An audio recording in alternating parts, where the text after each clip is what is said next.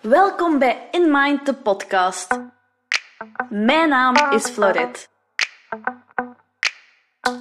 Drie jaar geleden kwam Ragna in mijn leven. I went through hell and back. Ondertussen heb ik een band opgebouwd met haar die sterker is dan ik ooit had kunnen dromen. Nee, ze is niet perfect. Ik ook niet. Niemand is perfect. In deze podcast vertel ik over de druk die we op onszelf leggen en op onze honden. Maar het kan anders. Ik deel graag met jou mijn visie over het opvoeden van honden, natuurlijk samenleven. Mijn ogen zijn geopend en ik hoop dat ik ook jou kan inspireren om kritisch te kijken naar onze maatschappelijke verwachtingen. Welkom bij de kritische denkers, die niet zomaar aannemen dat ze dingen moeten doen. Dus, wil jij ook kritisch nadenken over druk en verwachtingen? Heb jij interesse in tools om intuïtief op te voeden, een diepere band te creëren en zelfs gedragsproblemen te voorkomen of te laten verminderen? Dan is deze podcast voor jou. Dag iedereen, welkom bij In Mind, de podcast.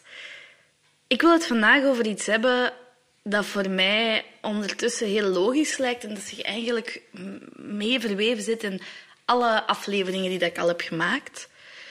Maar ik snap dat dat misschien voor anderen anders voelt. Dus ik wil het vandaag hebben als je je eerste hond in huis haalt. Je hebt nog, misschien nog nooit een hond gehad of je had wel een hond bij je ouders, maar natuurlijk, dat voelt niet echt als jouw hond. Je was niet bezig met de verzorging of de ontwikkeling van die hond of hoe dat die hond zich gedroeg. Je had al die zorgen niet. En of je die eerste hond nu in huis neemt als een puppy of als een volwassen hond die je adopteert, heel veel verschil maakt dat voor mij persoonlijk niet uit. Ik merk, en ik had dat zelf ook, dat mensen die hun eerste hond in huis halen, dat die erg gefocust zijn ten eerste op wat ze verwachten. Er komen heel veel verwachtingen bij kijken bij een hond nemen. En dat is automatisch, dat is normaal, daar is niks mis mee. Maar wat ik echt een heel belangrijk startpunt vind, dat ik altijd aanhaal, is weet wat je verwacht van je hond. Weet welke druk dat je zonder de bedoeling om druk te zetten er al meteen oplegt. Het is echt heel spannend ook, want je wilt het goed doen. Iedereen die een hond neemt, wil het goed doen. En dat is net waardoor dat jij ook ineens druk bij jou voelt. En zo zie je mensen op zoek gaan naar advies, want ik heb nu mijn eerste hond, ik ga online advies zoeken, ik ga advies uh, vragen aan vrienden, aan kennissen, uh, op social media. En iedereen heeft een andere mening en een andere visie. En ik ben waarschijnlijk een van die verschillende meningen en visies. Met het verschil dat ik graag mensen geruststel dat wat zij doorgaan, dat dat normaal is. En dat eigenlijk je intuïtief wel weet wat je moet doen.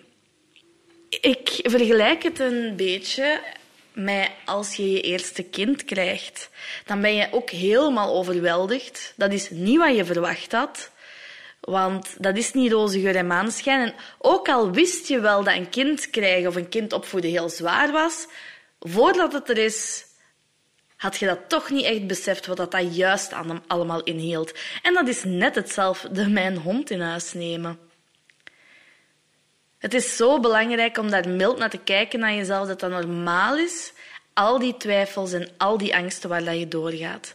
Maar als je een mama wordt of papa bent, dan voel je ook instinctief aan wat dat, dat kind nodig heeft. En bij onze puppies is dat eigenlijk hetzelfde. Onze volwassen honden ook. Maar het is gewoon omdat wij dat beeld in ons hoofd hebben van wat een hond moet zijn, dat wij denken dat we ons gevoel niet meer kunnen geloven. Als je je hond in huis krijgt, is het het belangrijkste om je regelmatig in de plaats van je hond te stellen. Dat is voor mij de makkelijkste manier om mij te kunnen inbeelden wat die zouden voelen. Het kan soms wel eens zijn dat mensen zeggen van oh, je mocht een hond niet als een mens behandelen, je moet een hond een hond laten zijn, een hond is geen mens. Oké, dat klopt. Een hond heeft uh, andere behoeften, zoals misschien graven, kauwen, dat een baby of een kind niet echt heeft. Maar uiteindelijk hebben die wel dezelfde ontwikkeling waar dat ze doorgaan in de hersenen. Ze gaan door diezelfde fases door als onze kinderen doorgaan. Ze hebben die emoties ook. Dus je hondje komt in je huis. In de ene situatie is die net weggenomen van de broertjes, zusjes, de mama. Waar dat hij nog heel veel nood aan heeft en is het een echte baby. In de tweede situatie is die hond ook zijn gekend huis kwijt en zit hij daar ineens op een vreemde plaats met vreemde mensen. Hoewel dat de noden van die volwassen hond en die puppy iets anders liggen, is het beide een vreemde plaats met vreemde mensen waar je niemand kent en niemand vertrouwt. Dus die onveiligheid is er bij beide. Er zijn heel veel mensen die denken dat ze meteen moeten beginnen trainen met die honden. En ergens snap ik niet goed waarom. Stel je voor, je wordt, ik zal zeggen, ontvoerd. Je wordt ontvoerd door vreemden. Je wordt in een auto gezet, je hangt aan een lijn, dus je hebt daar niet veel keuze over. Of ze pakken je op en ze nemen je gewoon in hun armen mee. Je wordt daar in dat nieuwe huis gedropt. Je hebt daar wel een mooie slaapkamer. Qua spullen heb je alles wat je wilt. Maar die mensen in die plaats die kenden gewoon niet. En dan komt daar iemand binnen en die spreekt een vreemde taal. Die heeft ook een ander lichaam. Dus het is niet dat je uit die zijn gebaren kunt uitmaken wat hij zegt. Nee, het is echt gewoon onbegrijpbaar. En die verwacht daar dingen van u. Maar je weet niet waar dat je zei. Je kent die persoon niet. En dan worden er dingen van u verwacht waar dat je niks van snapt. Ook al geeft die persoon mij op dat moment lekker eten, ik weet niet of dat ik dan die dingen zou doen allemaal. Ik zou gewoon iets hebben van waar de fuck ben ik? Help. En dat is een proces waar onze honden ook doorgaan. Dat is ook iets waarom dat bij adoptie vaak wordt gezegd dat het drie maanden duurt voordat echt karakter van de hond bovenkomt omdat die hond daar nog helemaal vreemd is. Die gaat zich anders gedragen. Sommige honden die gaan net meer van hun laten horen. Die gaan heel snel hun grenzen aangeven omdat, ze, omdat je vreemd bent. Andere honden die gaan helemaal in hun schulp kruipen en die gaan eigenlijk niks doen. Andere honden denken van, ik ga gewoon die persoon heel de tijd volgen, want dan kan ik tenminste een beetje controleren wat er gebeurt hier. En dan heb ik het meer over die volwassen honden. Die babytjes, dus die puppies, hè, baby's, die zoeken al iets sneller die toenadering naar die mensen ook. Want die hebben zoiets van, oké, ik ken hier niks, het is hier heel onveilig, maar hier is een mens. En een mens, dat ken ik wel van bij mijn fokker of waar ik zat, er waren ook mensen. Ik zal daar, uh, daar maar naartoe trekken, die kunnen mij misschien helpen. Maar die puppies zijn uiteindelijk ook nog altijd baby's in een vreemd huis. Die hebben eerst nood, en dat is hetzelfde met ons volwassen honden, om zich veilig te voelen. Om u te leren kennen als persoon. En dat doet je dus niet door dingen te verwachten, maar door uw hond de tijd te geven die die nodig heeft. Door bewust te observeren. Als een hond naar jou komt en die vraagt iets van u, door te denken van wat kan dat zijn? Als een puppy in uw hand begint te bijten, wat heeft die nodig? Als een volwassen hond gewoon zijn ruimte wilt, geef die ruimte. Die hond die komt wel als hij daar zelf klaar voor is. Je hoeft dus niet meteen met die eerste hond of die nieuwe pup of, of die geadopteerde hond de straat op te trekken. Want oké, die kennen misschien ten eerste die lijn nog niet. Ineens hangen die vast en kunnen die geen kant meer op. Ze zijn al bij een persoon die ze eigenlijk nog niet echt vertrouwen, maar ze kunnen er ook niet van weg, want ze hangen vast aan de lijn. Dan zijn ze op de straat, waar ze de omgeving ook niet kennen. En wie weet, wat gaat er daar allemaal gebeuren? Maar ja, ze kunnen niet weg, want ze hangen aan die lijn. Dan heb je ook weer die twee reacties. Honden kunnen heel fel gaan reageren op de prikkels rond hun, net omdat ze vasthangen. Of honden kunnen helemaal in de schulp kruipen. Er zijn honden die gewoon helemaal niet willen wandelen. Dus er zijn honden die al beter weten van oké, ik wil hier aangeven, ik wil dit niet. Andere honden die gaan wel mee, maar die gaan heel reactief reageren, waardoor dat ze ook laten zien dat ze niet comfortabel zijn in de situatie. Daarom is het best om eerst voordat die hond zich veilig voelt in uw huis, gaat daar nog niet mee de straat op. Die hond heeft eerst die veiligheid thuis nodig. Jij moet die veilige persoon zijn. Die hond moet kunnen weten dat jij hem zeker veilig gaat houden En dan moet hij de tuin eens leren kennen en dan heeft hij al een buitenstuk dat hij kan leren kennen voordat je die straat op gaat. We willen te veel doen. En ik denk dat dat typisch is wij mensen. Het moet allemaal snel gaan, zo gemakkelijk mogelijk. Maar een relatie bouwen, een goede relatie bouwen, dat doet je niet op snelheid. Dat doet je niet op makkelijk. Dat doet je door te investeren en door te luisteren en te begrijpen. En het is niet gemakkelijk om een hond te begrijpen als het uw eerste hond is. Want ik ben er ook doorgegaan. Dus in plaats van te investeren in eventueel een trainer die je hond dingen gaat aanleren of die meteen gaat laten volgen, investeer eens in een, in een, in een cursus over hondentaal om u te helpen om je hond op de plek waar dat hij op dit moment is beter te kunnen lezen. Om beter te kunnen zien waar heeft hij nood aan. Uw puppietje ook. Als uw puppy in huis is, alles is nog zo nieuw. Er hoeft niet direct bezoek te komen om die puppy te zien. Je hoeft niet in een vingerknip te beginnen met uw socialisatiechecklist.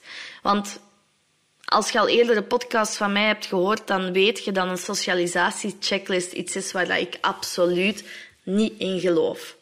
En dat is ook gewoon omdat zo'n checklist niet kijkt naar de taal van je hond. Die gaat niet kijken of dat die hond al klaar is om die stap te nemen. Die gaat niet kijken of dat die stap te groot is. Een socialisatie moet aangepast worden aan de hond die voor u staat. En ik geloof ook nog altijd dat je een hond, een volwassen hond, die je adopteert in je huis, dat je die kunt leren socialiseren aan jouw leefomgeving. Maar dat moet stap voor stap gebeuren. En pas wanneer dat de eerste stap het huis, de tuin en jij supergoed is, dat die connectie goed is, dat die veiligheid goed is, dat die relatie goed is, dan ga je voort naar de tweede stap. En doe dat traag en neem je tijd. En nu klinkt dat allemaal dat je op superveel dingen moet letten, maar eigenlijk is dat niet waar. Het enige wat je moet gaan doen is kijken en observeren en denken. Je hoeft geen elke dag te trainen. Je hoeft je geen zorgen te maken over de toekomst. Je kan gewoon genieten van wat is er nu. Doe gewoon wat je normaal doet. Je ligt in de zetel een boek te lezen en je hond komt eventjes, en dat is dan de adoptiehond waar ik over spreek, die komt eventjes eens snuffelen aan je teen. Focus je op dat moment. Ga die niet meteen aaien, maar voel dat hij een eerste toenadering heeft gezocht en zie dat als de, het lichtpuntje van je dag. Wees daar dankbaar over, over die eerste stap. En ga zo telkens een klein stapje verder door gewoon er te zijn. Je bent er voor je hond als je hem nodig hebt, maar je gaat hem niet forceren in iets. Je gaat geen dingen verwachten, je gaat nog geen lijn eraan klikken. Je gaat wachten totdat die relatie tussen jullie, die vertrouwen is, dat vertrouwen is uitge, uitgewerkt samen. En je hebt honden die heel snel door dat proces vliegen en je hebt honden die daar heel lang over doen. Maar als die honden er lang over doen, neem dan die tijd. Het is ook belangrijk dat je hond vertrouwd geraakt met het gehele gezin. Dus als jij een hond adopteert en je, je man of je vriend woont ook bij jou, dan moet je samen door dat proces gaan. Jullie moeten samen die veilige haven worden. Het kan natuurlijk dat je hond zich bij een van de twee sneller veilig voelt en dat de ene persoon al een stapje verder kan gaan met die hond dan die andere. Dan is dat ook oké. Dan hoeft je vriend bijvoorbeeld zich niet te gaan forceren om ook met die hond te kunnen gaan wandelen, want die veiligheid is er daar nog niet. En bij jou al wel. We moeten het ego loslaten in die situaties. Het ego van ik wil, ik wil die hond die direct bij mij zich goed voelt. Ik wil, mijn hond die vertrouwde mij meteen. Mijn hond die was meteen super lief. Laat het los. Laat los wat andere mensen vertellen hoe dat de relatie met een hond was. Of hoe snel dat allemaal is gegaan. Kijk naar jullie. Want als je een kind krijgt, elk kind is anders. Er zijn kinderen die meteen openstaan om, om door vreemden gepakt te worden. Er zijn andere kinderen die zich heel lang gaan verstoppen naar mama. En wanneer dat de mensen aan tafel zitten, dat hij misschien dan eens eventjes opkijkt van zijn speeltjes om toch eens te gaan kijken van wie is die onkel en tante nu die dat daar ook zit. En dat is oké. Dat is oké dat kinderen niet meteen met iedereen even sociaal zijn. Al moet ik zeggen dat zelf daar uh, heel vaak druk op gezet wordt bij die kinderen. Van ga eens hallo zeggen of ga eens dag zeggen of geef die eens een kusje. Um, maar dat hoeft eigenlijk helemaal niet. Maar dat is mijn mening. Ik vind dat ontwikkeling van puppy, van kind of ontwikkeling van een volwassen hond om in uw, in uw leven te passen, dat dat alle tijd mag krijgen dat dat nodig heeft. Dat hoeft niet snel te gaan. En ergens voelt je dat ook wel. Stel nu dat je gaat wandelen en je hond die trekt heel de tijd tegen.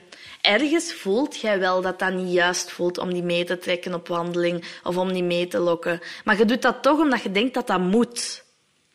Alles zit vol met moetjes. Je moet dit, je moet dat. Dat je zo onzeker wordt dat je vergeet om je eigen gevoel te volgen. Want als je je in elke situatie even in de plaats van de hond stelt, dan voelt je wel wanneer dat je te ver gaat of wanneer dat hier nog niet klaar voor is. Het enige is natuurlijk dat honden vaak fout begrepen worden. Dus het kan zijn dat jij je hond ziet uitvallen naar mensen op straat en dat je denkt dat hij dat doet om jou te verdedigen. Maar die hond die gaat jou niet verdedigen, want die heeft nog geen relatie met jou in het begin. Honden verdedigen meestal zichzelf. Die actie komt uit een eigen emotie. Dus een emotie van onveiligheid bij zichzelf. Een emotie van instinct dat getriggerd wordt. Maar dat gaat allemaal over zichzelf. Dat gaat niet over u. Wat is eigenlijk wat je wilt bereiken? Is dat die hond weet, ik hoef hier niet op te reageren. Er komt een jogger voorbij, ik hoef daar niet naar uit te halen, want ik ben bij mijn persoon. En mijn persoon gaat mij veilig houden. Dus ik, ik kan gewoon die persoon volgen, want die is degene die ik wil volgen. En ik geloof niet dat je dat bereikt door training. En daar ga ik nog een podcast over opnemen, ook van wat zie ik als training en wat zie ik als opvoeding. Maar ik zal het hier al kort schetsen. Voor mij is training gedrag aanleren. En je kan dat op positieve manier doen, je kan dat op negatieve manier doen. En dan bedoel ik negatief uh, is dan straffen, positief is belonen. Maar dat gaat over, jij wilt dat je hond een bepaald gedrag uitvoert. Opvoeding gaat niet over dat jij een hond bepaald gedrag aanleert, maar dat jij je hond vrijlaat om zichzelf te zijn in de grenzen die jij stelt. Bijvoorbeeld, je hond mag vrij doen wat hij wilt, maar die kent de huisregels. En huisregels leer ik ook niet aan met koekjes of straffen. Nee, huisregels leer ik aan door communicatie. Maar om te kunnen communiceren met een dier, moet je ten eerste zijn taal kunnen lezen en moet je weten hoe kan je dan communiceren op de beste manier. Want Honden kunnen taal leren, ik ben daar heel zeker van. We zien het in onze commando's, maar ook gewoon als ik hier thuis zie of zag dat Ragna elke keer als ik recht stond, mee recht stond en mij volgde om te gaan kijken wat ik ging doen, om dan terug te gaan liggen, dan weet je, die volgt omdat ze niet weet wat er gaat gebeuren. Dat is onvoorspelbaar en onvoorspelbaar is onveilig. Dus zij moet mee gaan kijken om te zien wat er gaat gebeuren. Wat begon ik te doen? Voordat ik recht stond, kondigde ik aan... Meisje, blijf maar liggen, ik ga eventjes naar het toilet. In het begin ging zij natuurlijk nog altijd mee. Maar dat maakt niet uit. Dat werd ook niet afgestraft. Ik ging haar niet in die blijf houden. Nee, ze ging gewoon mee. Maar ik bleef dat volhouden. Ik bleef dat volhouden. Elke keer als ik dat zei, ging ik naar het toilet. Wat gebeurt er na een tijd? Die hond die gaat gewoon blijven liggen, want als jij dat zegt, weet hij eigenlijk al perfect wat er gaat gebeuren. Dus die hoeft niet meer recht te staan. En dat noem ik opvoeding.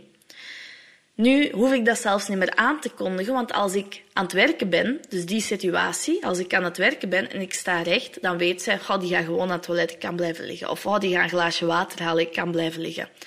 Maar als ik dat nooit had aangekondigd, had zij nooit die zelfzekerheid en dat vertrouwen in mij gehad dat ik altijd dat ging doen. Dat dat voor haar die voorspelbaarheid kon creëren. En dat is wat ik zie onder opvoeding. Hetzelfde bijvoorbeeld als je je hond wilt leren dat hij niet in de zetel mag. Dan ga ik geen koekjes gooien persoonlijk als die op zijn matje ligt. Want zeker bij Ragna krijg ik gewoon een hond die op zijn matje gaat liggen en dan ga kijken van komen er koekjes en komen er geen koekjes, dan heb ik frustratie en geblaf. Wat ik ga doen is gewoon zorgen dat ik een denkbeeldige lijn rond mijn zetel trek en elke keer als zij op die lijn stapt, dan ga ik zeggen, nee meisje, jij blijft aan uw kant, ga maar op je matje liggen. En zij moest dan zelf niet op haar matje gaan liggen en Ragna mag in de zetel, dus deze is nu niet van toepassing bij mij thuis, maar wel bij veel mensen en honden. Maar die hond moet zelfs niet op dat matje gaan liggen, maar je hebt je lijn getrokken. En door dat consequent te herhalen, gaat die hond na een tijd die lijn leren kennen. Honden leren op de grens. Honden, als die onder elkaar communiceren, dan geven die grenzen aan. Die gaan zeggen van, dit is uw grens en je moet niet verder gaan. Honden gaan niet wachten totdat je over die grens gaat om je dan te corrigeren en te straffen. Dat doen die niet. Honden gaan elkaar ook niet gaan belonen als ze iets goed doen. Dat doen die ook niet, maar ze geven wel hun grenzen aan. En dat is wat ik doe. Natuurlijk, de allereerste keer dat je hond op die grens komt en je zegt gewoon, dat gaan we niet doen, ga maar op je matje, die hond begrijpt niet wat je bedoelt. Dus in het begin gaat jij wel wat proactiever moeten zijn en gaat jij die hond wel moeten tonen wat dat, dat betekent dat jij zegt. Maar dat, die details, dat, dat leg ik allemaal uit in mijn begeleidingen eventueel in mijn online cursus. Dus dat, die details, zodat dat praktisch in zijn werk gaat, daarvoor kan je mij altijd contacteren en daar help ik u graag bij. Maar dit is eigenlijk hoe dat die theorie werkt. Daarom, een hond opvoeden hoeft niet zo zwaar te zijn of zo veel tijd te kosten als mensen u doen geloven. Het is pas als jij denkt dat je altijd moet trainen, op elk klein ding moet reageren, dat jij overweldigd gaat geraken. Als je je zorgen maakt om elk klein dingetje dat misgaat, dan gaat je overweldigd geraken. Maar als jij dat kunt aanpakken met een soort van laid back en vertrouwen. Van ik vertrouw in onze relatie dat die wel gaat groeien. Ik vertrouw dat dit goed komt. Is het veel minder impactvol dan wanneer dat je elk klein detail wilt gaan controleren. Want dan is je hoofd non-stop daar. En dan raakt je compleet uitgeput. En ziet je ook alleen nog maar die slechte dingen. Omdat dat al die dingen zijn waar je constant moet ingrijpen. Maar als je je management goed inzet en zorgt dat er niet veel slechte dingen kunnen gebeuren, kunt jij gewoon vertrouwen dat jullie relatie gaat groeien en dat die hond goed gaat uitgroeien. En dan kunt je gewoon focussen op die mooie momentjes als je adoptiehond komt de eerste keer aan je teen snuffelen. En dan moet je niet bang zijn dat die hond nooit in jouw buurt gaat komen. Bijvoorbeeld die hond, je hebt die vijf dagen in huis en die is eigenlijk nog altijd niet echt in je, dicht in je buurt geweest. Dat is oké. Dat, dat kan pijn doen en ik snap dat, want dat is onze menselijkheid. Dat kan pijn doen, maar dat wil niet zeggen dat het nooit gaat lukken. Het is pas als je gaat forceren, die relatie gaat forceren om meer te willen, sneller te willen, wanneer dat je hond daar nog niet klaar voor is, dat je een probleem gaat krijgen. En ik denk dat dit was wat ik wilde weten toen dat ik mijn eerste hond in huis nam.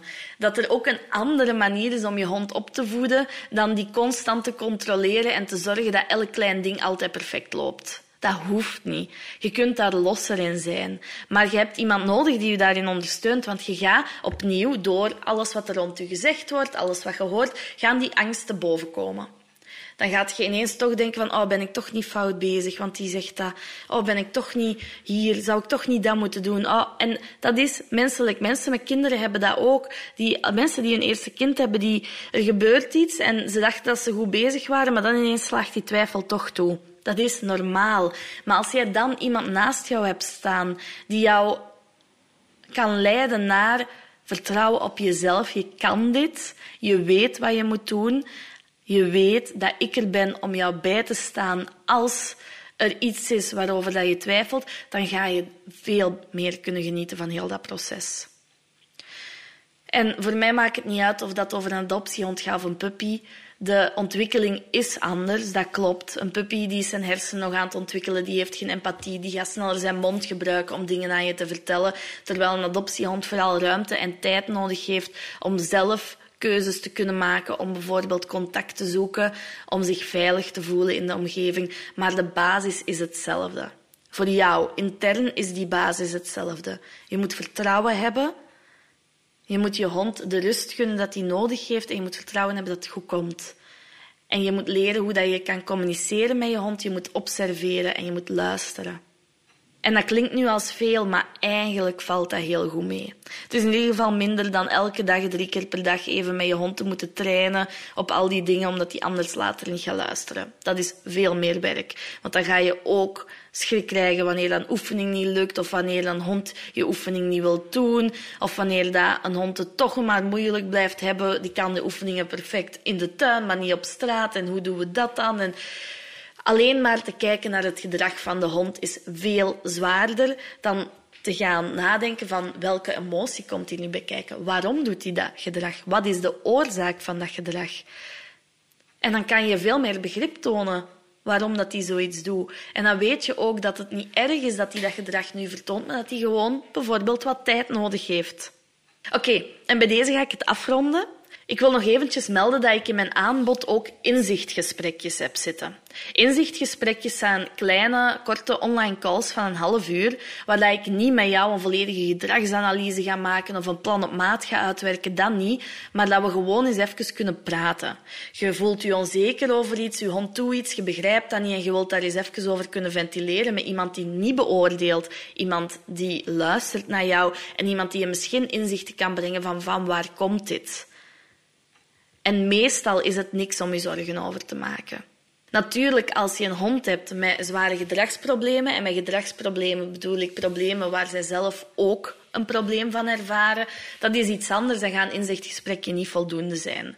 Maar als er gewoon iets kleins is waar je tegenaan loopt of waar je over twijfelt, dan kunnen wij gewoon een half uurtje bellen. En zo'n inzichtgesprek kost 37 euro. En daarna ga je ineens al een pak lichter voelen.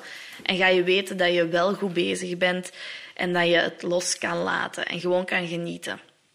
Zo, ik hoop dat jullie deze aflevering een beetje interessant vonden. Ik zou het ook altijd fijn vinden als jullie een rating willen geven aan mijn podcast. Dan kunnen veel meer mensen die vinden. En natuurlijk, als je inzichten hebt gehaald uit deze aflevering, mag je die zeker delen met anderen of met mij. Ik wens jullie nog een hele fijne dag en ik hoop natuurlijk dat jullie er de volgende keer opnieuw bij zijn.